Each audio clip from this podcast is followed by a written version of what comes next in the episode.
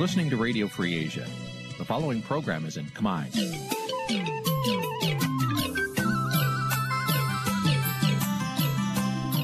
នេះជាកម្មវិធីផ្សាយ Vuthu Azizi Serai នេះជាកម្មវិធីផ្សាយរបស់ Vuthu Azizi Serai ជាភាសាខ្មែរ Vuthu Azizi Serai សូមស្វាគមន៍លោកអ្នកនាងទាំងអស់ពីរដ្ឋធានី Washington នៃសហរដ្ឋអាមេរិក បាទប្រធានាធិបតី Washington ខ្ញុំបាទទីនសាករិយាសូមជម្រាបសួរលោកនាងកញ្ញាទាំងអស់ជាទីមេត្រីខ្ញុំបាទសូមជូនកម្មវិធីផ្សាយសម្រាប់យប់ថ្ងៃសុក្រ8កើតខែស្រាបឆ្នាំខាលចត្វាស័កពុទ្ធសករាជ2566ឬថ្ងៃទី5ខែសីហាគ្រិស្តសករាជ2022បាទជាដំបូងនេះសូមអញ្ជើញលោកនាងកញ្ញាស្ដាប់ព័ត៌មានប្រចាំថ្ងៃដែលមានមេត្តាដូចតទៅ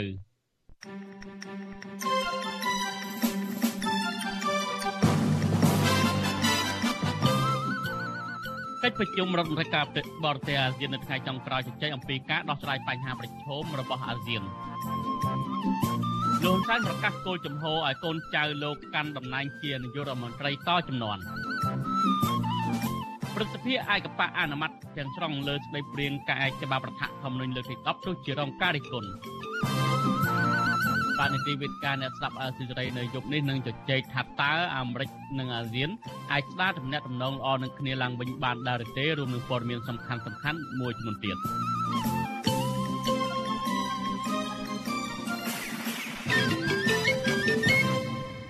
បាទលោកនាយកទីមេត្រីជាបន្តទៅនេះខ្ញុំបាទសូមជូនព័ត៌មានពុស្ដា សមត្ថកិច្ចនៅខេត្តប្រសេះអនុអះអាងថាខ្មាន់កំភ្លើងជនជាតិចិនដែលបានបាញ់សម្លាប់ជនជាតិចិនដូចគ្នាស្ថិតនៅអាគារបនលបែងកាស៊ីណូតង់ហ្វាងប៉ាលីរិនត្រូវបានបញ្ជូនទៅតុលាការខេត្តនេះរួចរាល់ហើយមន្ត្រីសង្គមស៊ីវិលជំរុញឲ្យអាជ្ញាធរពន្យល់នីតិវិធីស៊ើបអង្កេតរកអ្នកពាក់ព័ន្ធនិងអ្នកដែលលក់កំភ្លើងទៅឲ្យជនជាតិចិនប្រើប្រាស់សម្រាប់មនុស្សតាមទំនឹងចិត្តនៅកម្ពុជា បាទប្រធានាធិបតីវ៉ាស៊ីនតោនលោកសំទោសពីមែលប៊នលោកថាថៃរាយការណ៍ព័ត៌មាននេះ ស្នងការនគរបាលខេត្តព្រះសីហនុលោកជូនរិនឲ្យបញ្ជុអាស៊ីសេរីដឹងនៅថ្ងៃទី5សីហាថាមកដល់ពេលនេះសមត្ថកិច្ចបានឃាត់ខ្លួនអ ுக ្រិតជនជនជាតិចិនចំនួន4នាក់ដែលជាជនសង្ស័យពាក់ព័ន្ធនឹងការបាញ់សម្លាប់ជនជាតិចិន2នាក់លោកអះអាងទៀតថាជនជាតិចិនទាំង4នាក់នោះមានម្នាក់ឈ្មោះហ្វេងយៀងហ្វីបានសារភាពថាខ្លួនពិតជាបានបាញ់សម្លាប់ជនជាតិចិនទាំង2នាក់និងជនជាតិចិនម្នាក់ទៀតបណ្ដាលឲ្យរងរបួសធ្ងន់ដោយសារតែរឿងជំពាក់ប្រាក់និងមានទំនាស់ផ្នែកអាជីវកម្ម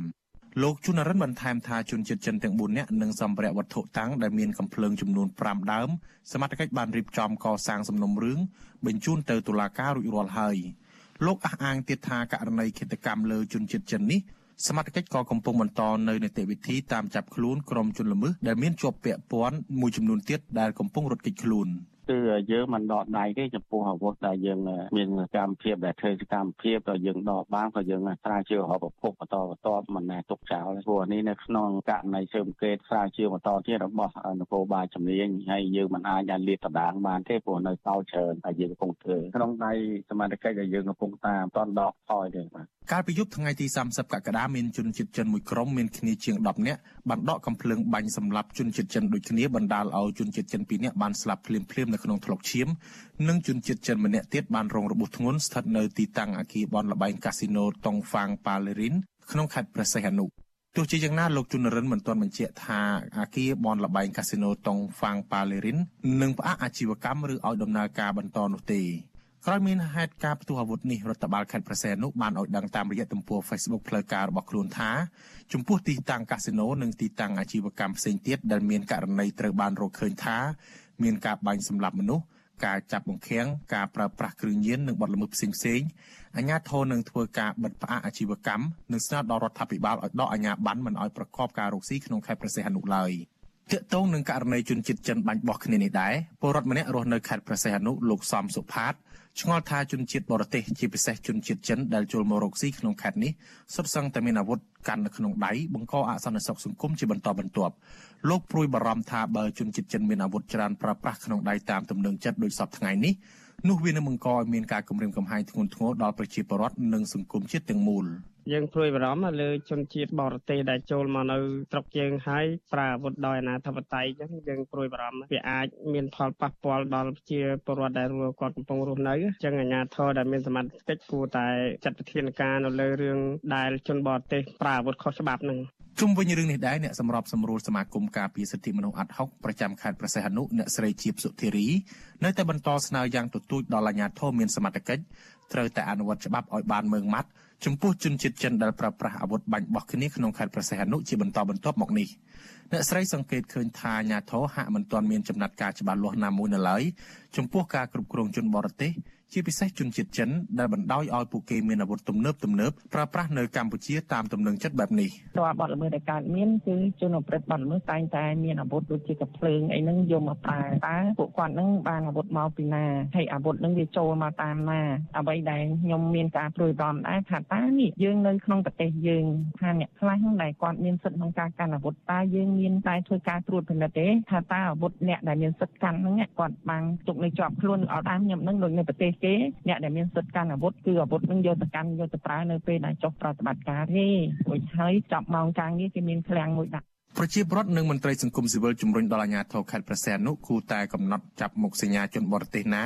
ដែលមានអាវុធក្នុងដៃនិងត្រូវចាត់វិធានការដោយធានាថាគ្មានការខុបខិតប្រព្រឹត្តអំពើពុករលួយដើម្បីធានាសុវត្ថិភាពជូនពលរដ្ឋម្ចាស់ស្រុក លើសពីនេះពួកគាត់ក៏បន្តស្នើដល់អាជ្ញាធរស៊ើបអង្កេតដោយឯករាជ្យតាមចាប់ខ្លួនមេខ្លងធំធំដែលមានលុយមានអំណាចធ្វើអាជីវកម្មជួញដូរអាវុធទៅឲ្យជនជាតិចិនជាបន្តបន្ទាប់មកនេះខ្ញុំថាថៃពីទីក្រុងមែលប៊ន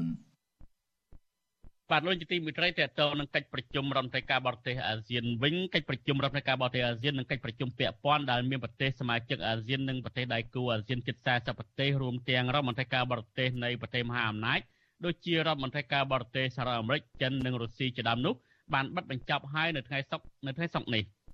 ថ្ងៃចុងក្រោយនៃកិច្ចប្រជុំរដ្ឋមន្ត្រីការបរទេសអាស៊ាននេះមានការជជែកគ្នាច្រើនប្រធានបទផ្សេងៗគ្នាក្នុងនោះរួមមានកិច្ចប្រជុំថ្នាក់រដ្ឋមន្ត្រីការបរទេសអាស៊ាននៃកិច្ចប្រជុំវេទិកាតំបន់អាស៊ានលើកទី29ជជែកអំពីការដោះស្រាយបញ្ហាប្រឈមរួមគ្នាកិច្ចប្រជុំនេះមានប្រទេសសមាជិកអាស៊ាននិងប្រទេសដៃគូចំនួន27ប្រទេសចូលរួម ក្រៅពីនេះកិច្ចប្រជុំទ្វេភាគីរវាងអាស៊ាននិងរដ្ឋមន្ត្រីការបរទេសដៃគូផ្សេងទៀតសេចក្តីប្រកាសព័ត៌មានរបស់ក្រសួងការបរទេសនៅថ្ងៃទី5សីហាឲ្យដឹងថាកិច្ចប្រជុំរវាងអាស៊ាននិងសហភាពអឺរ៉ុបបានពិភាក្សាអំពីប្រសិទ្ធបាយនានាដើម្បីលើកកម្ពស់ការយោគយល់គ្នាទៅវិញទៅមកដើម្បីជំរុញបន្ថែមទៀតនៅពាណិជ្ជកម្មនិងការវិនិយោគដោយឡែកចំពោះកម្ពុជាតំណាងជាន់ខ្ពស់នៃសហភាពអឺរ៉ុបទទួលបន្ទុកកិច្ចការបរទេសនិងសន្តិសុខគោលនយោបាយលោក Joseph Borrell Fontelles បានកត់សម្គាល់ពីការវិវត្តនយោបាយនៅកម្ពុជានិងការបោះឆ្នោតកាលពីថ្ងៃទី5មិថុនាកន្លងទៅគិតត្រឹមល្ងាចថ្ងៃទី5ខែសីហាក្រសួងការបរទេសមិនទាន់បង្ហាញព័ត៌មានលទ្ធផលកិច្ចប្រជុំរដ្ឋាភិការបរទេសអាស៊ានឬចេញសេចក្តីថ្លែងការណ៍រួមនៃកិច្ចប្រជុំនេះនៅឡើយទេទោះជាយ៉ាងណាក្រសួងការបរទេសឲ្យដឹងថាកិច្ចប្រជុំផ្ដោតលើការជជែកពីការគ្មានអាវុធនុយក្លេអ៊ែរនៅអាស៊ីអាគ្នេយ៍បញ្ហាសិទ្ធិមនុស្សនិងចំនួននៅភូមាជាដើម។ អាស៊ាននឹងចេញសេចក្តីថ្លែងការណ៍រួមទាក់ទងនឹងបញ្ហានៅភូមាបញ្ហាតៃវ៉ាន់សមុទ្រចិនខាងត្បូងនិងសង្គ្រាមនៅអ៊ុយក្រែនជាដើមរដ្ឋាភិបាលកម្ពុជាដែលជាប្រធានអាស៊ានបដូវវេនកំពុងតែធ្វើជាម្ចាស់ផ្ទះរៀបចំកិច្ចប្រជុំរដ្ឋមន្ត្រីការបរទេសអាស៊ានលើកទី55និងកិច្ចប្រជុំពាក់ព័ន្ធនៅក្នុងក្របខ័ណ្ឌអាស៊ានចាប់ពីថ្ងៃទី29កក្កដាដល់ថ្ងៃទី5សីហានៅរាជធានីភ្នំពេញ។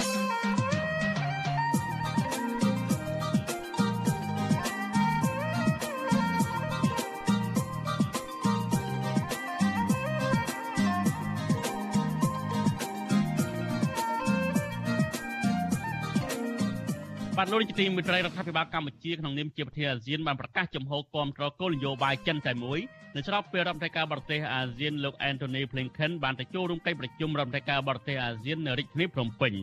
តើរដ្ឋមន្ត្រីការបរទេសសហរដ្ឋអាមេរិកទៅចូលរួមកិច្ចប្រជុំរដ្ឋមន្ត្រីការបរទេសអាស៊ាននេះអាចស្ដារទំនាក់ទំនងល្អរវាងអាស៊ាននិងអាមេរិកបានវិញដែរឬទេបាទសូមលោកនាងរងចាំទស្សនានីតិវេទិកាអ្នកស្ដាប់អាស៊ីសេរីដែលនឹងជជែកអំពីបញ្ហានេះនាពេលបន្តិចទៀតនេះ បើសិនជាលោកនាងមានមតិយោបល់ចង់សួរមកកាន់វាគ្មិនរបស់យើងសូមលោកនាងដាក់លេខទូរស័ព្ទនៅក្នុងខ្ទង់ comment អឺនៅក្នុងទូ comment Facebook និង YouTube ដែលយើងកំពុងតែផ្សាយផ្ទាល់នេះយើងខ្ញុំនឹងតាក់ទងទៅលោកនាងវិញបាទសូមអរគុណ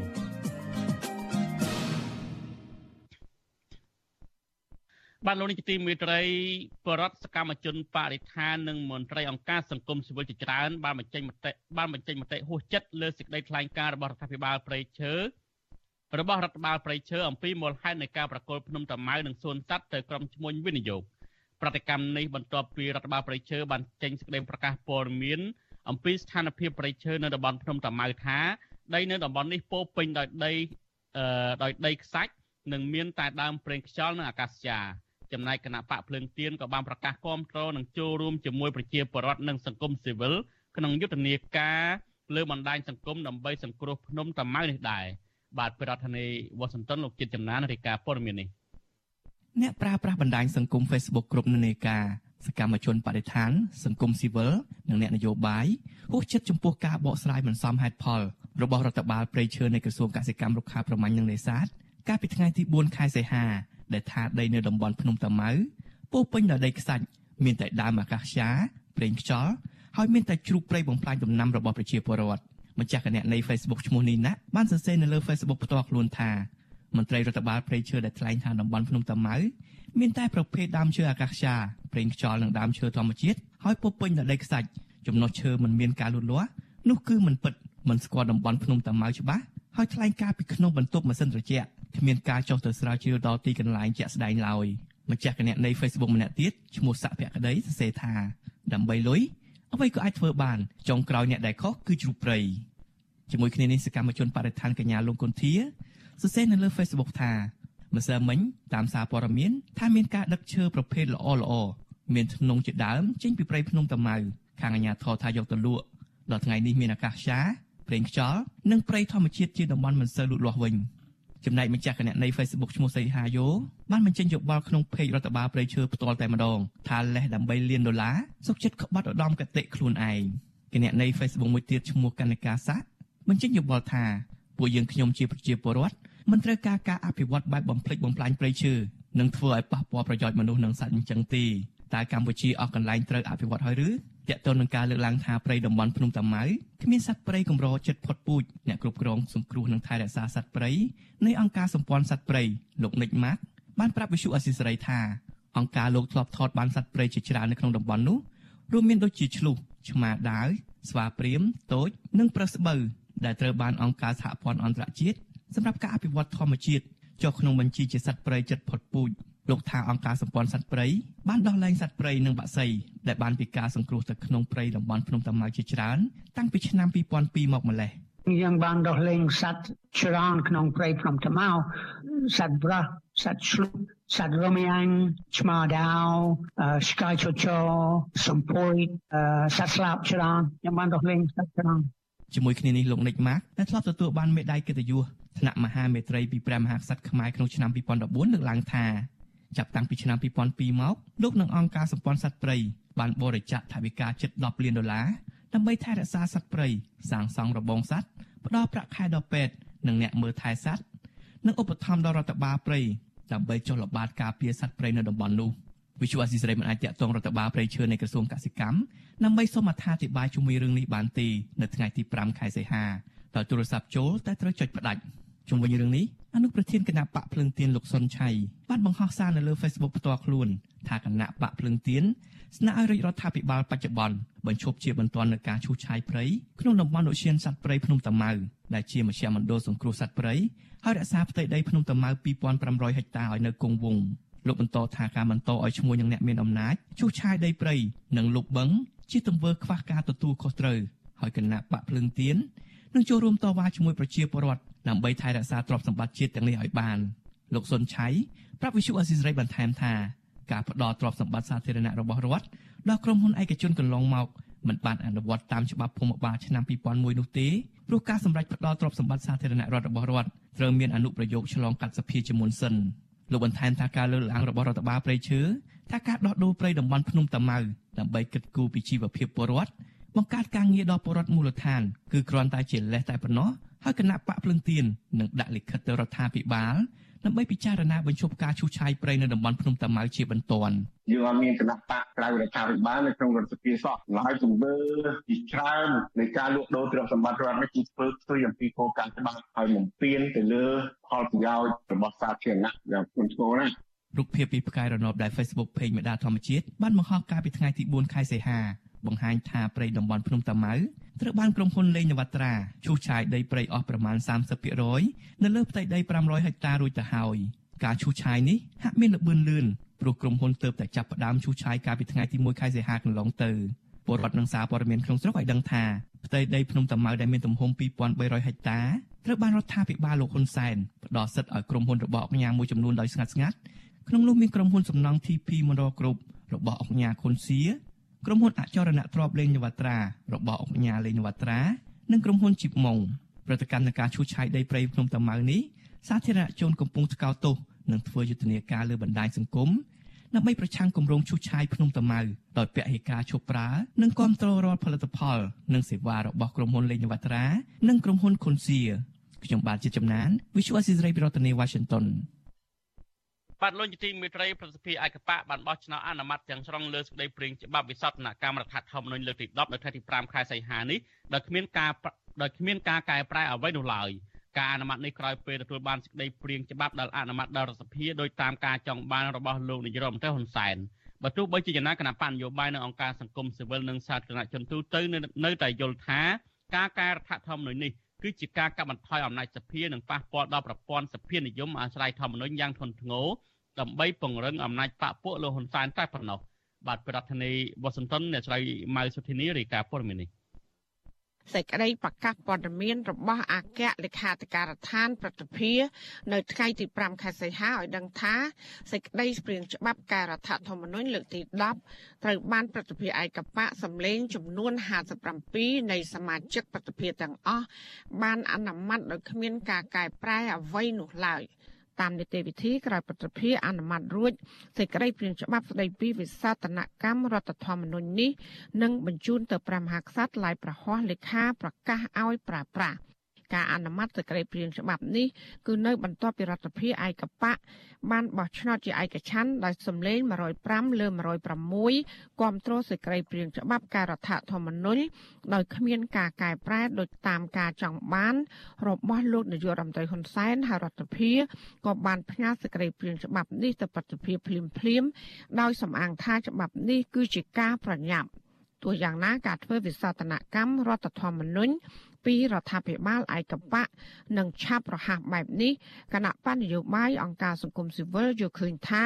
มันមានផលប្រយោជន៍អ្វីសម្រាប់ប្រជាពលរដ្ឋនិងសង្គមជាតិនោះឡើយពួកគេបារម្ភថាសេចក្តីព្រាងច្បាប់នេះនឹងធ្វើឲ្យលទ្ធិប្រជាធិបតេយ្យនៅកម្ពុជាកាន់តែធ្លាក់ចុះជាពិសេសគឺកាត់បន្ថយអំណាចសភា និងប៉ះពាល់ដល់ប្រព័ន្ធសភានិយមអាស្រ័យធម្មនុញ្ញ មតិភិជាច្រើនយកឃើញថាគោលបំណងនៃការធ្វើវិសោធនកម្មរដ្ឋធម្មនុញ្ញនេះគឺគ្រាន់តែដើម្បីបង្កើនឥទ្ធិពលនយោបាយរបស់លោកនាយករដ្ឋមន្ត្រីហ៊ុនសែនហើយបើកផ្លូវឲ្យកូនប្រុសច្បងរបស់លោកបន្តតំណែង ជានាយករដ្ឋមន្ត្រីដោយរលូន។ អនុប្រធានគណៈបកភ្លើងទៀនលោកថៃសិដ្ឋាយល់ឃើញថា ការធ្វើវិសោធនកម្មរដ្ឋធម្មនុញ្ញដោយបញ្ញាបញ្ញាលគឺគ្រាន់តែជាមធ្យោបាយការពារអំណាចផ្ទៃក្នុង របស់គណៈបកកាន់អំណាចតែប៉ុណ្ណោះ លោកថាខ្លឹមសារនៃសេចក្តីព្រាងច្បាប់នោះมันបានការពារផលប្រយោជន៍ជាតិនោះទេក៏ប៉ុន្តែលោកថាករណីនេះមិនចម្លែកទេការដែលតំណាងរាស្ត្រឯកបៈលើកដៃអនុម័តដែលមិនខ្វល់ពីមតិរិះគន់ពីសាធារណជនដោយសារតែសភាឯកបៈកន្លងមកมันអាចដោះស្រាយសំណើនឹងទុកលំបាកឬក៏បញ្ចេញប្រតិកម្មរបស់ប្រជាពលរដ្ឋបានឡើយ។ ប្រទេសកម្ពុជាបើសិនណានៅបន្តតែការដឹកនាំគណៈបកឯកបកបកតែមួយដដែលនឹងវាមិនខុសពីយើងទៅរកលទ្ធិកុម្មុយនីសទេអញ្ចឹងខ្ញុំយល់ថាវាជាគ្រោះថ្នាក់សម្រាប់ប្រទេសជាតិណាស់ដូច្នេះហើយបានយើងខ្ញុំក្នុងនាមគណៈបកប្រឆាំងយើងខិតខំធ្វើម៉េចឲ្យមានតំណាងរបស់យើងនៅក្នុងសភាដើម្បីយើងបង្កើនការតវ៉ាការពៀផលប្រយោជន៍របស់ជាតិយើងជាបន្តទៀត ចំណែកអគ្គលេខាធិការសហព័ន្ធនិស្សិតបញ្ញវន្តកម្ពុជា លោកគៀនពន្លកក៏បានលើកឡើងថាសេចក្តីព្រាងច្បាប់កែរដ្ឋធម្មនុញ្ញលើកទី10ដល់ជំរងចម្រាស់នេះនឹងសម្រេចតាមបំណងចង់បានរបស់លោកនាយករដ្ឋមន្ត្រីហ៊ុនសែនខណៈដែលស្ថាប័ននីតិបញ្ញត្តិទាំងអស់គ្រប់គ្រងដោយគណៈបកប្រជាជនកម្ពុជា។ យ៉ាងណាក្តីលោកថាប្រតិភិមិនគួរអនុម័តធ្វើវិសោធនកម្មរដ្ឋធម្មនុញ្ញនោះពីព្រោះលោកបារម្ភថាសេចក្តីព្រាងច្បាប់នេះនឹងធ្វើឲ្យប៉ះពាល់ធ្ងន់ធ្ងរដល់របបសភានិយមលទ្ធិប្រជាធិបតេយ្យសេរីភូប៉ានិងកាត់បន្ថយអំណាចតំណាងរាស្ត្រឲ្យបង្កើនអំណាចលើសលប់ឲ្យរដ្ឋាភិបាលទៅវិញ ទាំងគណៈបកនយោបាយទាំងប្រជាពលរដ្ឋហើយនិងអង្គការសង្គមស៊ីវិលមិនចង់ឃើញច្បាប់ពិសោធនកម្មរដ្ឋធម្មនុញ្ញលើកទី10នេះចេញជារូបរាងទេព្រោះអីទី1គឺកាត់បន្ថយរបបសភានិយមទី2ធ្វើឲ្យលទ្ធិប្រជាធិបតេយ្យនៅប្រទេសកម្ពុជានឹងគឺកាន់តែដើរថយក្រោយទៅដែលធ្វើឲ្យប៉ះពាល់យ៉ាងខ្លាំងទៅដល់របបនយោបាយគេហៅថារបបសេរីពហុបករដ្ឋមន្ត្រីក្រសួងយុតិធម៌លោកកើតរិទ្ធធ្លាប់អះអាងថាការស្នើកែរដ្ឋធម្មនុញ្ញនេះ គឺដើម្បីបំពេញខ្វះចន្លោះចំណុចខ្វះខាតនៃរដ្ឋធម្មនុញ្ញនិងធានាការពារឧត្តមប្រយោជន៍របស់ជាតិនិងប្រជាជនជាពិសេសគឺការធានាឲ្យស្ថាប័នរដ្ឋមានកិច្ចដំណើរការប្រព្រឹត្តទៅដោយរលូនមិនជាប់គាំងប្រកបដោយនិរន្តរភាពនៅគ្រប់កាលៈទេសៈលោករដ្ឋមន្ត្រីកាត់រដ្ឋថែមទាំងបានប្រកាសឲ្យអ្នកមិនពេញចិត្តនឹងការកែច្បាប់នេះចូលទៅស្ដាប់ក្រសួងបកស្រាយពីរឿងនេះបន្ថែមទៀតកាលពីដើមខែសីហា ប៉ុន្តែសម្រាប់គណៈបកនយោបាយនិងអង្គការសង្គមស៊ីវិលព្រមទាំងសាធារណជនទូទៅចាត់ទុកទង្វើរបស់ក្រសួងយុតិធធថាពុំបានបង្ហាញពីនីតិវិធីត្រឹមត្រូវក្នុងការតាក់តែងច្បាប់នោះឡើយព្រោះការប្រមូលមតិនានាគួរធ្វើឡើងនៅមុនច្បាប់អនុម័តមិនមែនច្បាប់អនុម័តហើយទើបបើកឲ្យអ្នកមានមតិមិនស្របទៅជួបបែបនេះឡើយ។ តកតងរឿងនេះដែរគណៈបកសង្គ្រោះជាតិចាត់ទុកការអនុម័តសេចក្តីព្រាងច្បាប់ដោយសភាឯកបកថាជាការធ្វើរដ្ឋប្រហាររដ្ឋធម្មនុញ្ញដើម្បីបំពេញមហិច្ឆតាផ្ទៃអំណាចនាយករដ្ឋមន្ត្រីរបស់លោកហ៊ុនសែនដោយបើកផ្លូវឲ្យកូនប្រុសច្បងរបស់លោកគឺលោកហ៊ុនម៉ាណែត។ ជាមួយគ្នានេះគណៈបកសង្គ្រោះជាតិក៏បានទូថ្វាយសុំទៅព្រះមហាក្សត្រប្របាទនរោត្តមសីហមុនីសូមកុំឲ្យទ្រង់ឡាយប្រហ័សលេខាលើច្បាប់កែរដ្ឋធម្មនុញ្ញនេះពីព្រោះការកែច្បាប់នេះគ្រាន់តែជាខែលដើម្បីការពារអំណាចគ្រួសាររបស់លោកហ៊ុនសែនដែលធ្វើឲ្យប៉ះពាល់ធ្ងន់ធ្ងរដល់ឯកភាពជាតិនិងនរណភាពជាតិចាននាងខ្ញុំម៉ៃសុធានីវັດឈូអាស៊ីសេរីប្រធានាធិបតី Washington បាទលោកជាទីមិត្តរីតកតងនឹងសំណុំរឿងលោកកំសខាដែលនៅជាប់បណ្ដឹងនៅតុលាការវិញរដ្ឋមន្ត្រីការបរទេសសហរដ្ឋអាមេរិកលោក Anthony Blinken សោកស្ដាយដល់សំណុំរឿងក្បត់ជាតិមេបកប្រឆាំងលោកកំសខាបន្តអស់បន្លាយ5ឆ្នាំនៅតែគ្មានដំណោះស្រាយប្រមុខការទូតសហរដ្ឋអាមេរិករូបនេះបានហៅករណីនេះថាជាហេតុផលនយោបាយរដ្ឋមន្ត្រីការបរទេសអាមេរិកលើកឡើងដូចនេះនៅក្នុងពេលលោកជួបប្រធានគណៈបកសង្គ្រោះជាតិលោកកំសខានៅថ្ងៃទី5សីហានេះគណៈលោកកំពុងមានវត្តមាននៅកម្ពុជា ដើម្បីចូលរួមក្នុងកិច្ចប្រជុំរដ្ឋមន្ត្រីការបរទេសអាស៊ានលើកទី55និងកិច្ចប្រជុំពាក់ព័ន្ធទំព័រ Facebook ក្រសួងការបរទេសអាមេរិកចុះផ្សាយដឹងថាកម្ពុជានឹងទទួលបានអត្ថប្រយោជន៍ពីការអនុញ្ញាតឲ្យលោកកម្មសខាមានសិទ្ធិធ្វើនយោបាយឡើងវិញនិងការចូលរួមក្នុងដំណើរប្រជាធិបតេយ្យនៅកម្ពុជាគិតមកទល់ពេលនេះលោកកម្មសខាបានបាត់បង់សិទ្ធិធ្វើនយោបាយជិត5ឆ្នាំហើយក្ររដ្ឋាភិបាលលោកហ៊ុនសែនបានចាប់ប្រកាន់ថាមេបកប្រឆាំងរូបនេះ ថាបានខົບខិតជាមួយរដ្ឋបរទេសដើម្បីបដូររំលំរដ្ឋាភិបាលកាលពីឆ្នាំ2017បាទកាលពីថ្ងៃម្សិលមិញលោក Anthony Blinken បានជួបលោកហ៊ុនសែនដោយស្នើឲ្យដោះលែងលោកកម្មសខាដោះលែងកញ្ញាសេងធារីនិងអ្នកទស្សនយោបាយទាំងអស់ដែលកំពុងតែជាប់ពន្ធនាគារបាទលោកក៏សង្កត់ធ្ងន់ជាមួយលោកហ៊ុនសែនដែរស្នើសុំឲ្យលោកហ៊ុនសែនបើកលំហសិទ្ធិសេរីភាពអង្គការសង្គមស៊ីវិលនិងត្រូវស្ដារលទ្ធិប្រជាធិបតេយ្យនៅកម្ពុជាឡើងវិញដែរ។ បាទលោកនាយកទីមេត្រីតកតងនឹងកិច្ចប្រជុំរដ្ឋមន្ត្រីការបរទេសអាស៊ាននេះកិច្ចប្រជុំរដ្ឋមន្ត្រីការបរទេសអាស៊ាននិងកិច្ចប្រជុំពាក់ព័ន្ធដែលមានប្រទេសសមាជិកអាស៊ាននិងប្រទេសដៃគូអាស៊ានជិត40ប្រទេសរួមទាំងរដ្ឋមន្ត្រីការបរទេសនៃប្រទេសមហាអំណាចដូចជារដ្ឋមន្ត្រីការបរទេសសហរដ្ឋអាមេរិកចិននិងរុស្ស៊ីជាដើមនោះបានបិទបញ្ចប់ហើយនៅថ្ងៃសុក្រនេះ។ ថ្ងៃចុងក្រោយនៃកិច្ចប្រជុំរដ្ឋមន្ត្រីការបរទេសអាស៊ាននេះមានការជជែកគ្នាច្រើនប្រធានបទផ្សេងៗគ្នាក្នុងនោះរួមមានកិច្ចប្រជុំថ្នាក់រដ្ឋមន្ត្រីការបរទេសអាស៊ាននិងកិច្ចប្រជុំវេទិកាតំបន់អាស៊ានលើកទី29ដែលជជែកអំពីការដោះស្រាយបញ្ហាប្រឈមរួមគ្នាកិច្ចប្រជុំនេះមានប្រទេសជាសមាជិកអាស៊ាននិងប្រទេសដៃគូចំនួន27ប្រទេសចូលរួមក្រៅពីនេះកិច្ចប្រជុំទ្វេភាគីរវាងអាស៊ាននិងរដ្ឋមន្ត្រីការបរទេសដៃគូផ្សេងទៀត សេចក្តីប្រកាសព័ត៌មានរបស់ក្រសួងការបរទេសនៅថ្ងៃទី4សីហានៅថ្ងៃទី5សីហាឲ្យដឹងថាកិច្ចប្រជុំរវាងអាស៊ាននិងសហភាពអឺរ៉ុបបានពិភាក្សាអំពីមធ្យោបាយនានាដើម្បីលើកកម្ពស់ការយោគយល់គ្នាទៅវិញទៅមកដើម្បីជំរុញបន្ថែមទៀតនៅពាណិជ្ជកម្មនិងការវិនិយោគដែលឡែកចំពោះកម្ពុជាតំណាងជាន់ខ្ពស់នៃសហភាពអឺរ៉ុបទទួលបន្ទុកកិច្ចការបរទេសនិងសន្តិសុខនិងសន្តិសុខគោលនយោបាយលោក Joseph Borrell Fonteles បានកត់សម្គាល់ពីការវិវត្តនយោបាយនៅកម្ពុជានិងការបោះឆ្នោតកាលពីថ្ងៃទី5មិថុនាកន្លងទៅគិតត្រឹមល្ងាចថ្ងៃទី5សីហាក្រសួងការបរទេសមិនទាន់បានបង្ហាញព័ត៌មានលទ្ធផលនៃកិច្ចប្រជុំរដ្ឋមន្ត្រីការបរទេសឬចេញសេចក្តីថ្លែងការណ៍រួមនៃកិច្ចប្រជុំនេះនៅឡើយទេទោះជាយ៉ាងណាក្រសួងការបរទេសឲ្យដឹងថាកិច្ចប្រជុំផ្ដោតលើការជជែកពីការគ្មានអាវុធនុយក្លេអ៊ែរនៅអាស៊ីអាគ្នេយ៍បញ្ហាសិទ្ធិមនុស្សនិងចំនួននៅភូមាជាដើម អាស៊ាននឹងចេញសេចក្តីថ្លែងការណ៍រួមទាក់ទងនឹងបញ្ហានៅភូមាបញ្ហាតៃវ៉ាន់សមុទ្រចិនខាងត្បូងនិងសង្គ្រាមនៅអ៊ុយក្រែនជាដើមរដ្ឋាភិបាលកម្ពុជានៅដែលជាប្រធានអាស៊ានបដូវវេនកំពុងតែធ្វើជាម្ចាស់ផ្ទះរៀបចំកិច្ចប្រជុំរដ្ឋមន្ត្រីការបរទេសអាស៊ានលើកទី55និងកិច្ចប្រជុំពាក់ព័ន្ធក្នុងក្របខ័ណ្ឌអាស៊ានចាប់ពីថ្ងៃទី29កក្កដាដល់ថ្ងៃទី5សីហានៅរាជធានីភ្នំពេញបាទលោកនាយកទីមេត្រីតកតងទៅនឹង កិច្ចប្រជុំអាស៊ាននេះដែរដែលមានរដ្ឋមន្ត្រីការបរទេសអាស៊ានសំទោសដែលមានរដ្ឋមន្ត្រីការបរទេសអាមេរិកបានទៅចូលរួមក្នុងកិច្ចប្រជុំរដ្ឋមន្ត្រីការបរទេសអាស៊ាននេះយើងនៅពេលបន្តិចទៀតយើងនឹងមានវេទិកាអ្នកស្ដាប់អាស៊ីសេរីដែលនឹងជជែកថាតើអាស៊ានហើយនិងអាមេរិកអាចស្ដារទំនាក់ទំនងល្អនឹងគ្នាបានដែរទេបាទសូមលោកនាងរងចាំទស្សនានីតិវិទ្យាអ្នកស្ដាប់អាស៊ីសេរីដែលយើងនឹងជជែកអំពីបញ្ហានេះនៅពេលបន្តិចទៀតបើសិនជាលោកនាងមានសំណួរឬក៏ចង់បញ្ចេញជាមតិយោបល់ សូមលោកនាងដាក់លេខទូរស័ព្ទនៅក្នុងខ្ទង់ comment ដែលយើងកំពុងតែផ្សាយផ្ទាល់តាមបណ្ដាញសង្គម Facebook YouTube នេះយើងខ្ញុំនឹងតាក់ទងទៅលោកនាងវិញបាទសូមអរគុណបាទលោកនាយកទីមេត្រីលោកហ៊ុនសែនប្រកាសគោលជំហរជាសាធារណៈអំពីការជំរុញកូនចៅរបស់លោកឲ្យចូលរួមឲ្យចូលប្រឡូកក្នុងឆាកនយោបាយដើម្បីបន្តកាន់តំណែងជានាយករដ្ឋមន្ត្រីតវងត្រកូលតចៅទៀត បាទក្រុមនៃវិភាគនិងយុវជនមើលឃើញថាការប្រកាសបែបនេះគឺមានបំណងចង់ឲ្យកូនចៅរបស់លោកបន្តតំណែងជានាយករដ្ឋមន្ត្រីតចំនួនដើម្បីថែរក្សាអំណាចនិងទ្រព្យសម្បត្តិគ្រួសារត្រកូលហ៊ុនពួកគេថាការធ្វើបែបនេះនឹងប៉ះពាល់ដល់ប្រយោជន៍ជាតិដោយសារតែអំពើពុករលួយរបស់គ្រួសារមួយនេះបាទសូមលោកនាងរងចាំ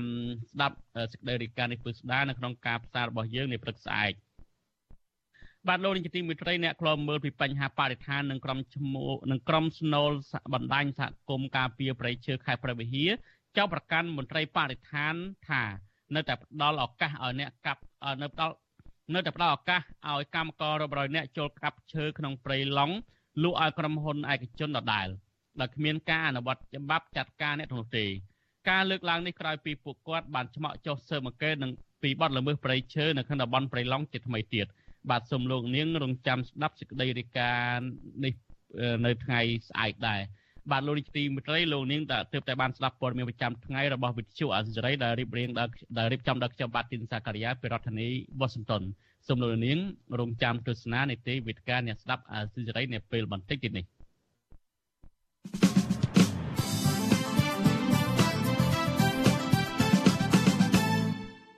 បាទលោកនាយកទីមេត្រីជាបន្តទៅនេះគឺជានីតិវិទ្យាអ្នកស្ដាប់អាស៊ីសេរី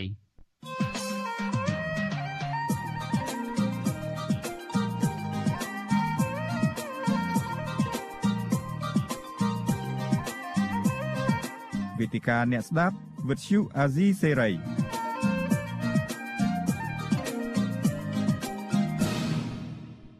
បាទខ្ញុំបាទទីនសាករិយាសូមជម្រាបសួរលោកនាងចិត្តថ្មីម្ដងទៀត ជាបន្តទៅនេះគឺយើងមាននីតិវេទិកាអ្នកស្ដាប់អាស៊ីសេរីដែលយើងនឹងជជែកប្រធានបទរបស់យើងនឹងគឺយើងនឹងជជែកអំពីថាតើរដ្ឋមន្ត្រីការបរទេសអាមេរិកទៅចូលរួមកិច្ចប្រជុំរដ្ឋមន្ត្រីការបរទេសអាស៊ាននៅពេលនេះអឺអាចស្ដារទំនាក់ទំនងល្អរវាងអាស៊ានហើយនិងអាមេរិកឡើងវិញបានដែរទេហើយវាគ្មិនតែចូលរួមនៅក្នុងកម្មវិធីរបស់យើងនៅពេលនេះយើងមានអ្នកខ្លំមើលផ្នែកអភិវឌ្ឍសង្គមលោកមនិតមាសនេះ ហើយនឹងអ្នកវិភាគនយោបាយគឺលោកកឹមសុខបាទខ្ញុំបាទសូមជម្រាបសួរលោកទាំងពីរបាទបាទសូមជម្រាបសួរបាទបាទអរគុណណាស់ដែលបណ្ឌិតមាននេះបាទជម្រាបសួរលោកទីនសក្ការីយ៉ាបងប្អូនអ្នកតាមដានបាទអរគុណណាស់ដែលលោកកំសុកហើយនិងលោកនិតមាននេះបានចូលរួមជាមួយយើងម្ដងទៀតនៅយប់នេះហើយយើងនឹងជជែកអំពីថាតើទំនាក់ទំនងរវាងអាស៊ាននិងអាមេរិកអាចល្អនឹងគ្នាឡើងវិញដែរទេតើ អាស៊ានតើអាមេរិកអាចស្ដារទំនាក់ទំនងល្អជាមួយអាស៊ានដែរទេ បាទដោយដែលយើងបានដឹងហើយការតាមដានព័ត៌មានរយៈពេលប្រជុំប្រហែលថ្ងៃនេះកិច្ចប្រជុំរដ្ឋមន្ត្រីការបរទេសអាស៊ាននេះយើងឃើញថាក្រៅពីរដ្ឋកិច្ចប្រជុំរដ្ឋមន្ត្រីការបរទេសនោះគឺមានកិច្ចប្រជុំពាក់ព័ន្ធផ្សេងទៀតហើយជាការកត់សម្គាល់ដែលសំខាន់យើងមើលឃើញថារដ្ឋមន្ត្រីការបរទេសអាមេរិកដែលទៅចូលរួមកិច្ចប្រជុំហ្នឹងគឺមានការជួបដោយឡែកពិសេសទៀតជាមួយមេដឹកនាំកម្ពុជា គឺពិសេសអ្វីដែលលោកលើកឡើងនោះគឺនៅតែសួរដេញដោលអំពីមូលដ្ឋានទ័ពចិនរៀមនៅឯក្រុងប្រសេះហនុហើយលោកក៏បានលើកអំពីករណីចំចំដែរការឃុំខ្លួនលោកកម្មសខាការចាប់ប្រកាន់លោកកម្មសខាហើយនឹងការចាប់ខ្លួនកញ្ញាសេងធារីហើយនឹងអ្នកទស្សនយោបាយជាច្រើនទៀតដែលលោកទាមទារឲ្យរដ្ឋាភិបាលកម្ពុជាដោះលែងពួកគាត់វិញហើយបើកលំហប្រជាធិបតេយ្យនិងសិទ្ធិមនុស្សវិញ ហើយមួយទៀតយើងមើលអំពីអាស៊ាន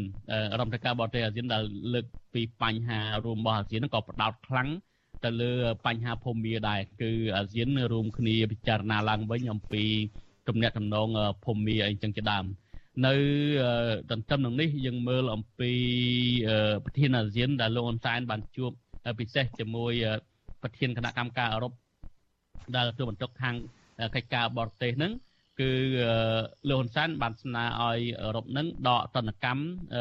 រុស្ស៊ីហើយដកទណ្ឌកម្មរុស្ស៊ីហើយចំពោះកម្ពុជាវិញលោកអះអាងថាកម្ពុជាមិនយកអធិបតេយ្យភាពរបស់ខ្លួនដើម្បីដោះដូរនឹង EBA ទេ នេះគឺជាការ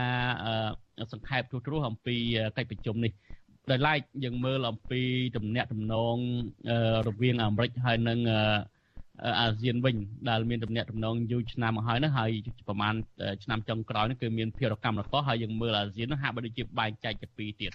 មានន័យថាសមាជិកអាស៊ានមួយចំនួននឹងប្រទេសមួយចំនួនដែលមាននានាការមកអាមេរិកដែលផ្ដោតសំខាន់ទៅលើការគោរពសិទ្ធិមនុស្សនិងប្រជាធិបតេយ្យហើយប្រទេសមួយចំនួនទៀតងាកទៅចិនខ្លាំងអីចឹងជាដើមយើងមើលឃើញថាការដែលងាកទៅចិនដូចជាកម្ពុជាឡាវអីចឹងជាដើមហើយភូមាយ៉ាងដឹងហើយឥឡូវហ្នឹងយើងឃើញថាខាងភូមាហើយនិងរុស្ស៊ីហ្នឹង សន្ទុះចិននិងរុស្ស៊ីហាក់បីដូចជានៅពីក្រោយខ្នងនៃរបបសឹកថែមទៀតអញ្ចឹងប្រទេសអាស៊ានតាក់ទងទៅនឹង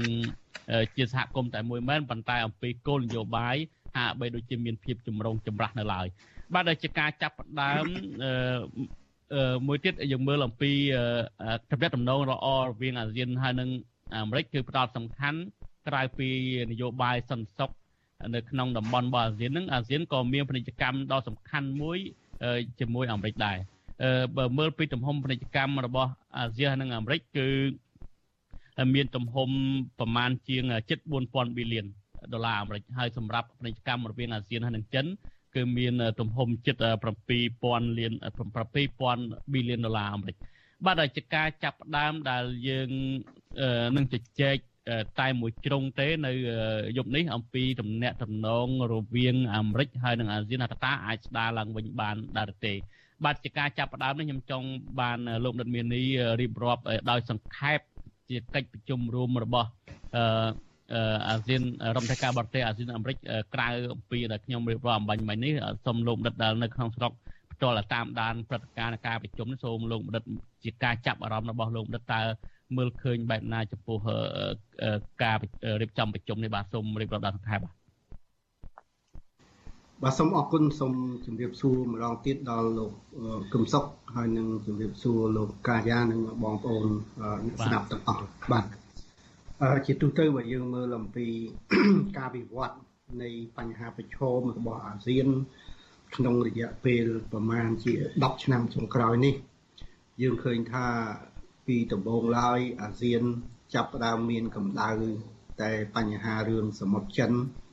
ប៉ុន្តែទោះបីយ៉ាងណាក៏ពេលនោះឯកភាពនៅក្នុងអាស៊ាននៅមានភាពរឹងមាំអាស៊ានអាចចេញនៅសេចក្តីថ្លែងការណ៍រួមទោះបីជាមានឧបសគ្គខ្លះនៅក្នុងឆ្នាំ2012ក៏ដោយ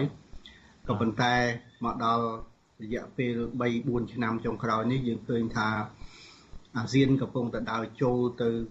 ប្រឈមជាមួយនឹងឧបសគ្គដែលកាន់តែមានភាពច្រើនឡើងច្រើនឡើងទី1បញ្ហាសមុទ្រចិនបានកើនកម្ដៅកាន់តែខ្លាំងជាងពី10ឆ្នាំមុនទី2ទៀតបញ្ហាកូវីដហើយទី3គឺបញ្ហានៅភូមាបន្ទាប់មកទៀតគឺបញ្ហាអ៊ុយក្រែន ដូច្នេះបើយើងមើលអំពីការប្រជុំនេះបើប្រៀបធៀបជាមួយនឹងការប្រជុំមួយដែលកម្ពុជាធ្វើប្រធានដែរនៅឆ្នាំ2012យើងឃើញថាមានការរៀបចំនេះ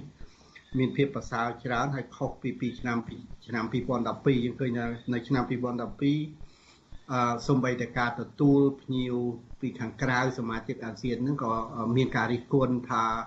មិនបានបង្ហាញអំពីការស្វាគមន៍និងស្មារតីភាពគ្នាទេហើយពេលនោះ កម្ពុជាដែលជាប្រធានអាស៊ាននឹងក៏កំពុងតែជំរងចម្រាស់មានភាពជំរងចម្រាស់រវាងទំនាក់ទំនងចិនហើយនិងអាមេរិកដោយមានការលុបចោលនៅសមយុទ្ធយោធាអាមេរិកហើយទៅចាប់ធ្វើសមយុទ្ធមួយយោធាជាតិយោធាជាមួយចិននេះហ្នឹងគឺសិតតែជាបញ្ហាក៏ប៉ុន្តែលើកនេះកិច្ចប្រជុំលើកនេះយើងឃើញថានៅពេលដែលបញ្ហាកាន់តែក្តៅប៉ុន្តែកម្ពុជាហាក់ដូចជាអាចសម្របសម្រួលបាន នៅក្នុងនាមជាប្រធានអាស៊ានដើម្បីនាំដុំភ្លើងទាំងអស់ហ្នឹងឲ្យមកជុំគ្នាបានយើងដឹងហើយថាបញ្ហាក្នុងកិច្ចប្រជុំអាស៊ាននេះវាហាក់ដូចជាក្តៅផ្ទួនផ្ទួនគ្នា ពីដំបូងឡើយយើងគិតថាមកតែពីរឿងគិតពីរឿងបញ្ហាប្រជាធិបតេយ្យសិទ្ធិមនុស្សបញ្ហាភូមិបញ្ហាសមុទ្រចិនហើយបញ្ហាតាក់ទងដោះស្រាយជាមួយរឿងកូវីដឬក៏ការរស់រានឡើងវិញក្រោយពីកូវីដ ហើយនឹងរឿងធំគឺរឿងអ៊ុយក្រែននិងរុស្ស៊ីក៏ប៉ុន្តែជាអកុសលនៅក្នុងថ្ងៃដែលចាប់ផ្ដើមប្រជុំនឹងគឺវិបត្តិនៅតៃវ៉ាន់គឺកើតឡើងហើយដូច្នេះមេដឹកនាំមហាអំណាចទាំង3ទាំង4ដែលរួមទាំងជប៉ុនផងហ្នឹងគឺហាក់ដូចជាបាននាំគ្នាចុះពីយន្តហោះហើយអោបដុំភ្លើងនឹងចូលមកកន្លែងប្រជុំរៀងខ្លួនយើងដឹងហើយថាការអធិប្បាយនៃការប្រជុំនៅក្នុងលើកនេះគឺ មានភាពតានតឹងខ្លាំងបាទដូចជាការប្រឈមគ្នាយើងឃើញហើយថាអឺរុស្ស៊ីរដ្ឋមន្ត្រីការបរទេសរុស្ស៊ីមុននឹងចូលមកប្រជុំនៅកម្ពុជាត្រូវឈៀងចូលទៅជួបរដ្ឋាភិបាលយោធាភូមាសិនដែលជាបញ្ហាដែលកំពុងតែចម្រូងចម្រាសនៅក្នុងសមាជិកអាស៊ានហើយនិងរដ្ឋាភិបាលភូមានោះរដ្ឋាភិបាលយោធាភូមាហើយក៏បានបដិញ្ញាក្នុងការជួយគ្រប់គ្រង ដល់កងយោធាភូមាផងដែរនៅពេលខាងមុខនេះជាដំភ្លើងមួយដែលនាំមកឲ្យអាស៊ានបញ្ហាទី2យើងឃើញហើយថានៅក្នុងថ្ងៃដែលនាយករដ្ឋមន្ត្រីចិនបានចុះយន្តហោះរដ្ឋមន្ត្រីការបរទេសចិនចុះយន្តហោះនៅទីក្រុងភ្នំពេញគឺចំពេលដែលអ្នកស្រីអមប្រធានសភាអាមេរិកហ្នឹងគឺចុះចតនៅទីក្រុងតៃប៉េផងដែរបាទបាទទន្ទឹមនឹងពេលថ្ងៃបន្ទាប់ក៏ រដ្ឋមន្ត្រីក្រសួងការបរទេសអាមេរិកក៏បានមកដល់ដែរបាទដូច្នេះវោហាស័ព្ទនៃការទូតនឹងគឺបានផ្លោងដាក់គ្នាទៅវិញទៅមកហ្នឹងគឺនៅតាំងពីពេលការប្រជុំចាប់ផ្ដើមហើយបើយើងនិយាយអំពីជប៉ុនវិញទៀតក៏មានបញ្ហាជាមួយនឹងប្រទេសចិនដែរគឺទី1យើងដឹងហើយថាប្រទេសចិនបានហៅស្ថានទូតជប៉ុន ទៅសាកសួរស្ដីពីរឿងការចូលរួមរបស់ប្រទេសជប៉ុននៅក្នុងកិច្ចប្រជុំ G7 ហើយធ្វើការប្រឆាំងជាមួយសមយុទ្ធយោធារបស់ចិននេះជារឿងទី1រឿងទី2ទៀតនៅក្នុងពេលថ្មីថ្មីដែលប្រជុំកំពុងចាប់ផ្ដើមពីម្សិលមិញនេះគឺប្រទេសចិនបានបាញ់មីស៊ីល3គ្រាប់ចូលទៅក្នុងទឹកដីតំបន់សេដ្ឋកិច្ចមួយរបស់ជប៉ុន ដែលធ្វើឲ្យជប៉ុននឹងក៏ចេញការតវ៉ានៅក្នុងការទូតនឹងដែរហើយទីចុងបំផុតកិច្ចជំនួបក្រៅគេថាក្រៅក្រៅកិច្ចប្រជុំគេថាជួបនៅក្នុងក្រៅកិច្ចប្រជុំដែលជាទ្វេភាគីរវាងជប៉ុនហើយនិងចិនហ្នឹងក៏ត្រូវបានលុបចោលទៀតដោយសារតែទំនាស់ដែលវាមានមកតាំងពីរឿងតៃវ៉ាន់ហើយនិងរឿងជប៉ុនប្រឆាំងជាមួយនឹងសមយុទ្ធយោធារបស់ចិននឹងផងបាទ ហើយបើយើងមើលសកម្មភាពជាក់ស្ដែងទៀតក៏យើងឃើញថានៅក្នុងកិច្ចប្រជុំនេះក៏មើលមុខគ្នាអត់ត្រង់ដែរនៅក្នុងចំណោមសមាជិកក្រៅពីអាស៊ានណាដែលយើងឃើញថាដូចសម្ដេចនាយករដ្ឋមន្ត្រីហ៊ុនសែនក៏បានលើកឡើងដែរថាសូម្បីតែរៀបចំកៅអីអង្គុយហ្នឹងក៏មិនព្រមចង់អង្គុយជិតគ្នាទៀតហើយបើយើងមើលសូម្បីតែនៅក្នុងរូបភាពខ្លះដែលយើងឃើញហ្នឹងគឺរដ្ឋមន្ត្រី ការបរទេសរុស្ស៊ីនោះបានគៀកជាមួយនឹងបានគៀកជាមួយនឹងចិនក៏ប៉ុន្តែមិនព្រមនឹងចាក់ដៃជាមួយនឹងជប៉ុនបាទនេះសិតតែជាកាយវិការអឺទំនាក់ទំនងដែលយើងមើលឃើញថាដុំភ្លើងដែលនាំចូលទៅក្នុងកិច្ចប្រជុំអាស៊ាននេះគឺមានភាពក្តៅកគុក ក៏ប៉ុន្តែអ្វីដែលខ្ញុំមើលឃើញថាល្អនៅពេលនេះគឺរដ្ឋមន្ត្រីការបរទេសទាំងអស់ពិសេសសំទោសរដ្ឋមន្ត្រីការបរទេសអឺនៅក្នុងប្រទេសធំធំរួមទាំងអាមេរិករុស្ស៊ីហើយនិងចិនផងព្រមទាំងជប៉ុនផងហ្នឹងគឺសិតតែបានចូលទៅជួបសម្ដែងការស្វាគមន៍ជាមួយនឹងប្រមុខរដ្ឋាភិបាលកម្ពុជាដែលជាប្រធានអាស៊ានហើយមានឱកាស នៅក្នុងការបញ្ចេញនៅអ្វីដែលជាការយល់ឃើញរបស់ប្រទេសនីមួយៗបាននៅក្នុងនោះយើងឃើញជាអាចដូចជាសហរដ្ឋអាមេរិកណារដ្ឋមន្ត្រីការបរទេសអាមេរិកបាននិយាយអំពីរឿងអ្វីដែលជាការខ្វល់ខ្វាយរបស់អាមេរិកដោយលោកកាយ៉ាបានលើកឡើងហើយជំនួបរវាងលោកឡាវរ៉ូសរដ្ឋមន្ត្រីការបរទេសរុស្ស៊ីជាមួយនឹង ប្រមុខរដ្ឋាភិបាលកម្ពុជាក៏បានទៅជែកអំពីការបដូរនៅរូបិយប័ណ្ណសម្រាប់ការធ្វើជំនួញជាមួយគ្នាយើងដឹងហើយថាអឺប្រទេសរុស្ស៊ីបានត្រូវទទួលរងនៅទណ្ឌកម្មមិនឲ្យចាយលុយដុល្លារដូច្នេះដើម្បីធ្វើពាណិជ្ជកម្មបានថាតើកម្ពុជានិងរុស្ស៊ីត្រូវប្រើរូបិយប័ណ្ណបែបណាដើម្បីឲ្យអាចរកស៊ីជាមួយគ្នាបានរីឯប្រទេសចិនវិញរដ្ឋមន្ត្រីការបរទេសចិនវិញក៏ បានថ្លែងនៅការគ្រប់គ្រងជាថ្មីម្ដងទៀតលើរដ្ឋាភិបាលកម្ពុជានៅក្នុងកិច្ចសហប្រតិបត្តិការទាំងវិស័យសេដ្ឋកិច្ចនយោបាយហើយសង្កត់ធ្ងន់ចុងក្រោយគឺផ្នែកយោធាផងដែរបាទបាទដូច្នេះទាំងអស់នេះគឺវាស្ទើរជាភាពតានតឹងមួយដែលកើតមាននៅក្នុងកិច្ចប្រជុំរបស់ របស់អាស៊ានជាមួយរដ្ឋត្រីរដ្ឋមន្ត្រីការបរទេសពីប្រទេសមហាអំណាចហើយសម្រាប់ការមើលឃើញរបស់ខ្ញុំខ្ញុំគិតថាដោយសារកម្ដៅនេះប្រហែលជាកិច្ចប្រជុំរដ្ឋមន្ត្រីការបរទេសលើកនេះมันអាចនឹងសម្រេចនៅអ្វីដែលជាបញ្ហាធំធំដែលប្រឈមដូចជាបញ្ហាសមុទ្រចិនបញ្ហាភូមាបញ្ហាអ៊ុយក្រែនហើយនឹងបញ្ហាតៃវ៉ាតៃវ៉ាន់នេះខ្ញុំគិតថា ប្រហែលជានឹងមិនអាចមានចេញសេចក្តីថ្លែងការណ៍ណាមួយជាដុំកំភួនទេហើយភាកច្រើនក៏អាចវិលទៅទៅរកសេចក្តីថ្លែងការណ៍តាក់ទិនទៅនឹងដូចជាការអភិវឌ្ឍបំរែបំរួលអាកាសធាតុឬបញ្ហាធ្វើការដើម្បីឈានទៅរកអាស៊ាន2025ឬ2030បាទប៉ុន្តែបញ្ហាធំធំនេះសូម្បីក្នុងកិច្ចប្រជុំនេះបាទនៅពេលដែល របៀបវរៈធំរបស់អាស៊ាន គឺត្រៀមដើម្បីដោះស្រាយរឿងបញ្ហាភូមិរហូតដល់ប្រធានអាស៊ានក៏បាននិយាយដែរថានឹងអាចមានវិធានការជាដុំកំភួនមួយដើម្បីតបឆ្លើយតបជាមួយនឹងភូមិក្រោយពីភូមិសម្រាប់សកម្មជននយោបាយអីហ្នឹងក៏ប៉ុន្តែទីចុងបំផុតនៅក្នុងថ្ងៃដែលប្រជុំនឹងចាប់ផ្ដើមគឺបញ្ហាតៃវ៉ាន់នេះបានគ្របដណ្ដប់ទៅលើបរិយាកាសនៃការប្រជុំទាំងមូលបាទដូច្នេះ ទោះបីជាយើងឃើញថាការប្រជុំនេះជាការប្រជុំមួយដើម្បីសម្ដែងនៅការនៅការពង្រឹងនៅសាមគ្គីភាពរវាងប្រទេសដែលពាក់ព័ន្ធរួមទាំងអាស៊ានផងក៏ដោយក៏ប៉ុន្តែដោយសារតែកម្ដៅដែលមហាអំណាចមួយបានយកមកបោះឲ្យអាស៊ាននេះខ្ញុំគិតថាកិច្ចប្រជុំនេះទំនងដូចជាមិនបានសម្រេចនៅបញ្ហាដែលប្រឈមធំធំនោះទេបាទសូមអរគុណយើងមានប៉ុណ្ណឹងបាទ បាទអរគុណច្រើនលោកមេនីដែលបានសង្ខេបអំពីព្រឹត្តិការណ៍កិច្ចប្រជុំថ្នាក់រដ្ឋាភិការបរទេសអាស៊ាននេះបាទអឺខ្ញុំចង់ងាកលោកកឹមសុខវិញយើងចាប់ផ្ដើមជជែកអំពីទំនាក់ទំនងរវាងអាស៊ានហើយនិងអាមេរិកថាតើអាចស្ដារទំនាក់ទំនងល្អនឹងគ្នាឡើងវិញបានដែរឬទេបើយើងមើលនៅក្នុងសេចក្តីថ្លែងការណ៍រួមរវាងអាស៊ានហើយនិងអាមេរិកនៅក្នុងកិច្ចប្រជុំកំពូលពិសេសអាស៊ានអាមេរិកហ្នឹងគឺនៅក្នុងសេចក្តីថ្លែងការណ៍រួមហ្នឹងក៏បានផ្ដោតសំខាន់ ទៅលើបញ្ហាមួយចំនួន ពិសេសគឺកិច្ចសហប្រតិបត្តិការទៅលើវិស័យជាច្រើនក្នុងនោះមានវិស័យសេដ្ឋកិច្ចការរក្សាសន្តិសុខនិងសន្តិភាពនៅក្នុងតំបន់ហើយនឹងអឺហើយនឹងបញ្ហាការអភិវឌ្ឍលើបច្ចេកវិទ្យានិងបញ្ហាដែនសមុទ្រហើយពិសេសចុងក្រោយនៅនៅក្នុងសេចក្តីថ្លែងការណ៍រួមនឹងក៏ផ្ដោតសំខាន់ទៅលើការបំរែបំរួលអាកាសធាតុអីចឹងជាដើម បាទសម្រាប់ពេលនេះវិញដោយដែលលោកដិតមាសនេះបាទរៀបរាប់អំបញ្ញមិញដោយសង្ខេបមិញអញ្ចឹងយើងឃើញថាកិច្ចប្រជុំអាស៊ាននេះរដ្ឋមន្ត្រីការបរទេសអាស៊ានទោះបីជាអាចរៀបចំទៅបានក៏ដោយក៏ប៉ុន្តែហាក់បីដូចជារដ្ឋមន្ត្រីនីមួយៗគឺពិសេសសំខាន់ហ្នឹងគឺទៅលើតំណាងប្រទេសមហាអំណាចហាក់បីដូចជាមិនមានភាពល្អល្អឿននឹងគ្នានោះទេហើយយើងដឹងហើយថាឥឡូវហ្នឹងគឺ អត្តពលចិនហើយនិងអាមេរិកកំពុងតែប្រទៀងបតុងគ្នាហើយអាស៊ានគឺជាតំបន់មួយដែលប្រទេសមហាអំណាចទាំងពីរកំពុងតែសម្លឹងមើលការចាប់អារម្មណ៍នោះបាទបាទជាការចាប់ដើមលោកកំសុកតើលោកមើលឃើញថា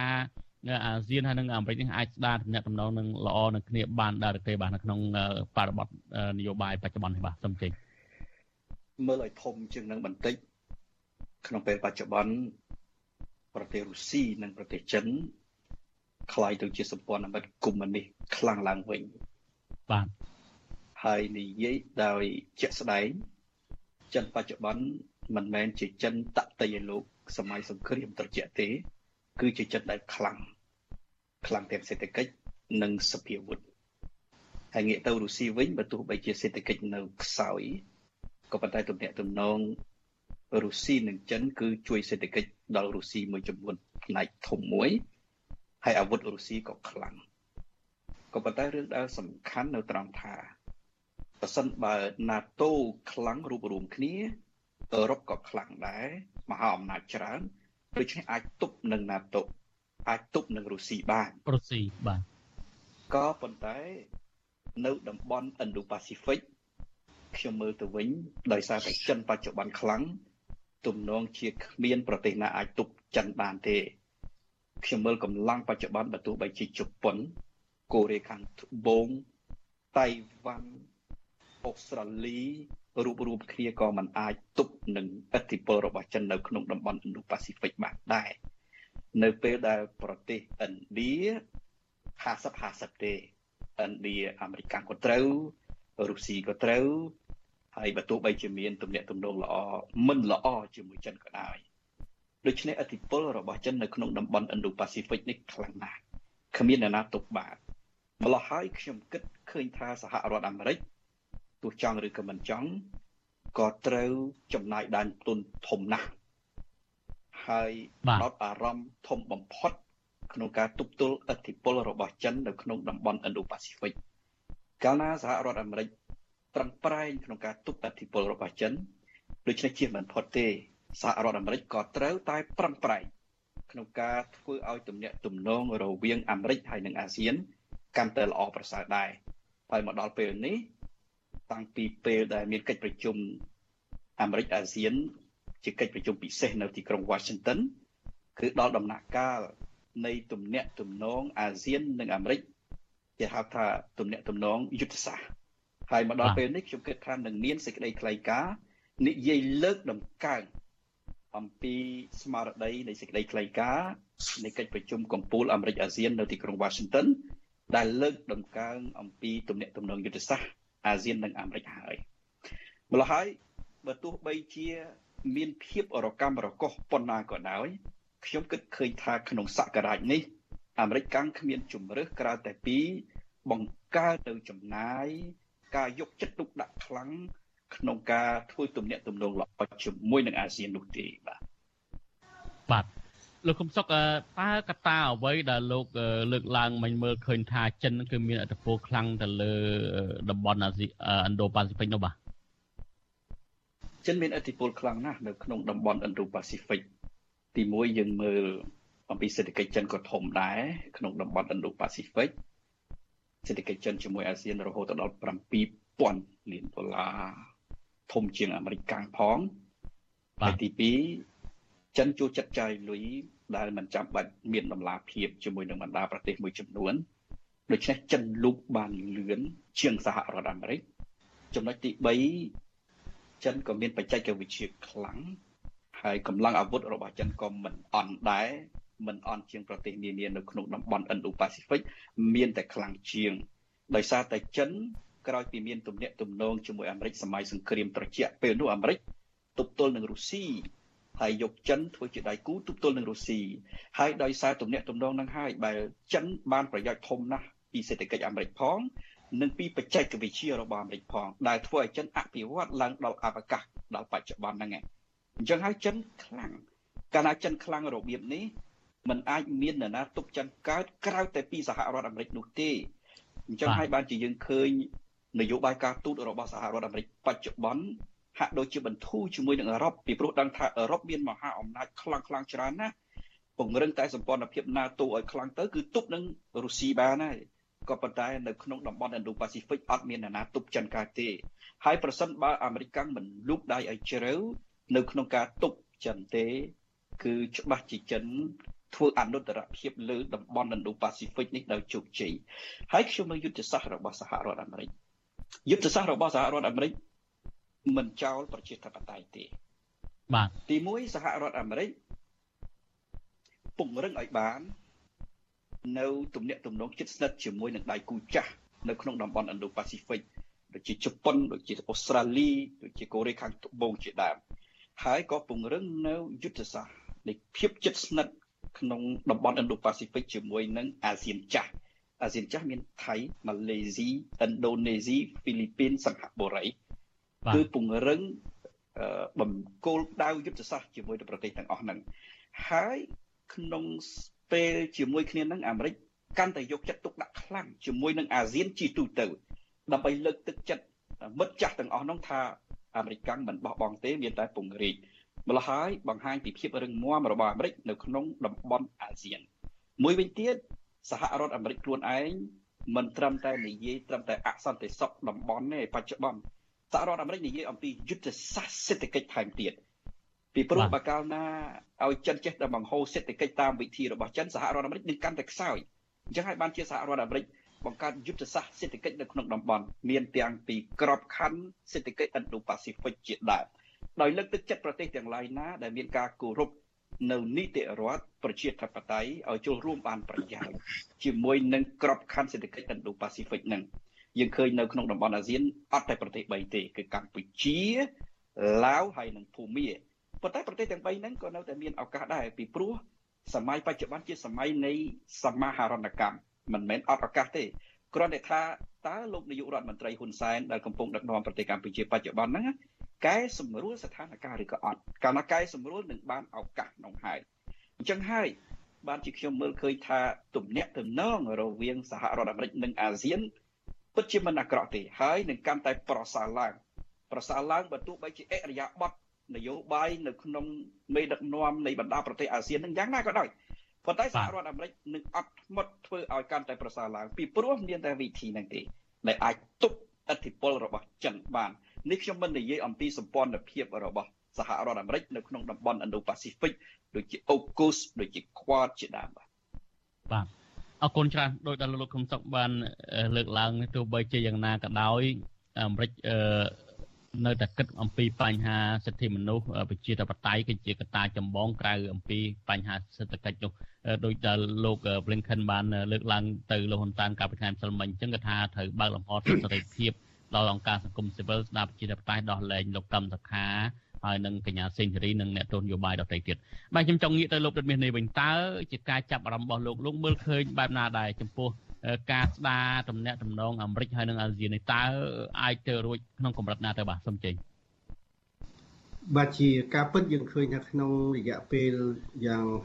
តិចក៏2ឆ្នាំ3ឆ្នាំចុងក្រោយនេះយើងឃើញថាទាំងចិនទាំងអាមេរិក ក៏កំពុងតែដណ្ដើមអធិពលគ្នានៅក្នុងតំបន់អាស៊ានពិសេសគឺ Indo-Pacific នេះឯងបាទហើយបញ្ហាអធិពលចិននេះឯងដែលធ្វើឲ្យអាមេរិកចាប់ផ្ដើមចូលមកសម្លឹងមើល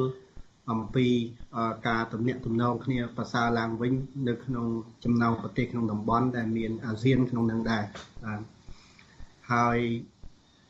តំណឹងហើយដែលយើងឃើញថានៅក្នុងអឺ ទំនាក់ទំនងសេដ្ឋកិច្ចរវាងអាមេរិកគឺអាមេរិកចាប់ផ្ដើមដឹងខ្លួនថាខ្លួនបានបោះបង់ប្រទេសក្នុងតំបន់ Indo-Pacific នឹងនៅក្នុងរយៈពេលប្រមាណ10ឆ្នាំចុងក្រោយនេះដោយសារតែឃើញថាអតិពលសេដ្ឋកិច្ចដែលដោយលោកកឹមសុខបានលើកឡើងថាសេដ្ឋកិច្ចជាមួយនឹងចិនអាស៊ានវាមានដល់ទៅ2ដងនៃសេដ្ឋកិច្ចរវាងអាស៊ាននិងអាមេរិកបាទដូច្នេះទៅនឹងវាជា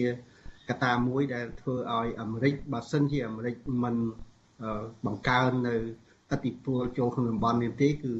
ចង់មិនចង់គឺចិននឹងអាចស៊ីដាច់យើងនិយាយពាក្យខ្លីចេះហើយក្នុងនោះក៏យើងឃើញថាចិនបានលូកដៃជ្រៅហើយដែរមកក្នុងតំបន់អាស៊ានតាមរយៈផ្លូវមួយខ្សែក្រវ៉ាត់មួយហើយដោយសារតែកត្តានឹងហើយដែលធ្វើឲ្យអាមេរិកនឹងក៏ការក្នុងក្នុងជំនួបនៃ G7 G7 កាលពីខែកន្លងទៅហ្នឹងគឺ អាមេរិកហើយនឹងប្រចាំប្រទេសបានដាក់នៅការបដិញ្ញាចិត្តមួយដើម្បីផ្ដល់នៅជំនួយប្រមាណជា600,000លានដុល្លារដើម្បីធ្វើការអភិវឌ្ឍជួយដល់ជំនួយអភិវឌ្ឍសម្រាប់ដល់ពិភពលោកដើម្បីតបទប់ទល់ជាមួយនឹងការពង្រីកឥទ្ធិពលរបស់ចិនបាទក៏ប៉ុន្តែសំណួរដែលសួរថានៅក្នុងកលៈទេសៈដែលមហាអំណាចកំពុងតែប្រជែងគ្នាដើម្បី បោះទុនបោះលុយបោះអធិពលចូលក្នុងតំបន់អាស៊ានតើប្រទេសអាស៊ាននឹងរក្សានៅឯកភាពរបស់អាស៊ានបានដែរឬអត់នេះជាការព្រួយបារម្ភមួយធំយើងដឹងហើយថាគ្រួសារខ្លះអាចរស់នៅជាមួយគ្នាមានភាពសុខដុមរមនាជាមួយគ្នានៅពេលដែលអត់លុយប៉ុន្តែមិនប្រកាសថានៅពេលមានលុយគ្រួសារនឹងកាន់តែមានសាមគ្គីភាពជាជាងការអាចបែកបាក់គ្នាត្រង់ហ្នឹងខ្ញុំសូមធ្វើការពិនិត្យមើលអំពីជ្រុងមួយនៃ ទំនាក់ទំនងប្រទេសក្នុងអាស៊ានថាតើការប្រើអធិពលរបស់មហាអំណាចដែលយើងពីមុនមកយើងគិតថាមានតែចិនហើយនិងអាមេរិកទេប៉ុន្តែថ្មីថ្មីនេះគឺយើងឃើញថាប្រទេសរុស្ស៊ីក៏ចាប់ផ្ដើមលូកដៃចូលមកដែរបើសិនបើភូមាត្រូវបានគេរុញចេញពីសមាជិកអាស៊ានខ្ញុំជឿជាក់ថាប្រទេសភូមានឹងអាចក្លាយទៅជាទីតាំងយោធាសំខាន់មួយរបស់ភូមានៅពេលខាងមុខក៏អាចថាបាន។ រីឯប្រទេសសមាជិកដទៃទៀតនៅក្នុងតំបន់អាស៊ាននៅក្នុងរយៈពេលកន្លងមកនេះជាពិសេសយើងមើលទៅលើភាពចម្រូងចម្រាសគ្នានៃការគ្រប់គ្រងឬមិនគ្រប់គ្រងឬអនុប្រវេតទៅលើការឈ្លានពានរបស់រុស្ស៊ីទៅលើអ៊ុយក្រែនបាទមកដល់ពេលនេះយើងឃើញថាមានតែប្រទេសសិង្ហបុរីមួយទេដែលបោះឆ្នោតពេញមុខប្រឆាំងជាមួយនឹងការឈ្លានពានរបស់រុស្ស៊ីទៅអ៊ុយក្រែនក្រៅពីនឹងគឺ ច្រើនតែបោះឆ្នោតអនុប្រវេតឬក៏មិនខ្ជិលខ្វល់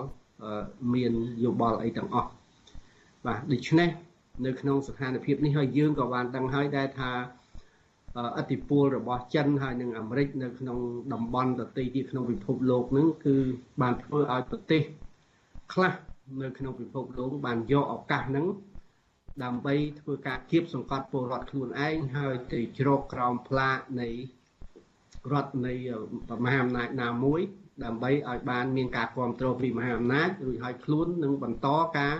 ជិះជាន់ពលរដ្ឋខ្លួនឯងតទៅទៀតយើងឃើញនៅក្នុងទ្វីបអាហ្វ្រិកក៏មានដែរបាទដូច្នេះនៅក្នុងអាស៊ានក៏អាចដូចគ្នាដែរប្រសិនបើអធិពលចិននិងអាមេរិកមកកាន់តែខ្លាំងសម្ដៅមកកាន់តែខ្លាំងតើតើវាអាចជាចរន្តមួយមកបំបែកអាស៊ានឲ្យទៅជា2ទៅជា3 ឬក៏បង្រួមអាស៊ាននឹងឲ្យកាន់តែមានភាពរឹងមាំទៀតអានេះគឺវាអាស្រ័យទៅលើសមត្ថភាពរបស់អាស៊ានខ្លួនឯងក៏ប៉ុន្តែបើយើងមើលអំពីគោលនយោបាយរបស់អាស៊ានតេតិនទៅនឹងគោលនយោបាយមិនជ្រៀតជ្រែកកិច្ចការផ្ទៃក្នុងគ្នានេះខ្ញុំគិតថាអាស៊ានអត់អាចជួយគ្នាខ្លួនឯងបានច្រើនប្រមាណទេដោយសារអីដោយសារតែมันមានសាមគ្គីភាពណាមួយដែលអាចឲ្យអាស៊ានជួយគ្នាបានទេនៅក្នុងកលៈកលៈទេសៈដែលប្រទេសមួយរអិលចេញអំពី អ្វីដែលជាគោលការណ៍សំខាន់របស់អាស៊ានយើងឃើញប្រទេសភូមាជាអាចហើយនៅពេលដែលភូមាមិនខ្វល់មិនចូលអឺហើយភូមានៅតែធ្វើអីដែលភូមាចង់បានមិនស្ដាប់អាស៊ានវាជាឧទាហរណ៍មួយហើយហើយខ្ញុំគិតថាតើនឹងអាចមានប្រទេសមួយពីរថ្ងៃខាងមុខនឹងរអិលចូលស្ថានភាពដូចគ្នាដែរទៀតនេះគឺនេះសិតតែជាសំណួរដែលយើងនឹងតាមមើលទាំងអស់គ្នាហើយយើងដឹងហើយថាមកដល់ពេលនេះពិភពលោក កំពុងតែដើរចូលទៅក្នុងសម័យមួយដែលសម្ដាប់ធ្នាប់ពិភពលោកហាក់ដូចជាកាន់តែមានភាពផុយស្រួយកាន់តែខ្លាំងឡើងខ្លាំងឡើងឥឡូវនេះគេឈប់និយាយអំពីរឿងអាវុធមីស៊ីលធម្មតាហើយគេនិយាយអំពីរឿងការប្រើនៅអាវុធនុយក្លេអ៊ែរបាទហើយប្រទេសនីមួយៗក៏បានចេញមុខមកប្រកាសជាចំហថាខ្លួនមាននុយក្លេអ៊ែរប៉នេះដើមប៉នេះគ្រាប់គឺទាំងអស់លែងមានលែងមានលក្ខការដូចមុនហើយបាទដូច្នេះ ចាប់ពីពេលនេះទៅយើងអត់ទាន់បានដឹងថាតើសម្ដាប់ធ្នាប់ពិភពលោកនឹងនឹងត្រូវមានជីវិតបែបម៉េចឬត្រូវគ្រប់គ្រងបែបម៉េចគឺយើងនៅក្នុងស្ថានភាពមិនទាន់ដឹងនៅឡើយទេហើយពេលខ្លះស្ទើរតែយើងមិនអាចដឹងថា24ម៉ោងក្រោយនឹងអាចមានអីកើតឡើងដូចជាបញ្ហារឿងនៅតៃវ៉ាន់ប្រហែលថ្ងៃមុននេះហើយបើសិនជាបញ្ហាតៃវ៉ាន់នេះវារៀលដាលទៅធំរហូតដល់សមុទ្រចិនខាងត្បូងទៀត សំណួរសំខាន់មួយទៀតដែលពិភពលោកនឹងត្រូវដើរទៅរកហ្នឹងគឺថាតើវិបត្តិសេដ្ឋកិច្ចពិភពលោកនឹងអាចមានមួយគុណនឹងប្រមាណទៀតប្រសិនបើវិបត្តិនេះកើតឡើងយើងដឹងហើយថា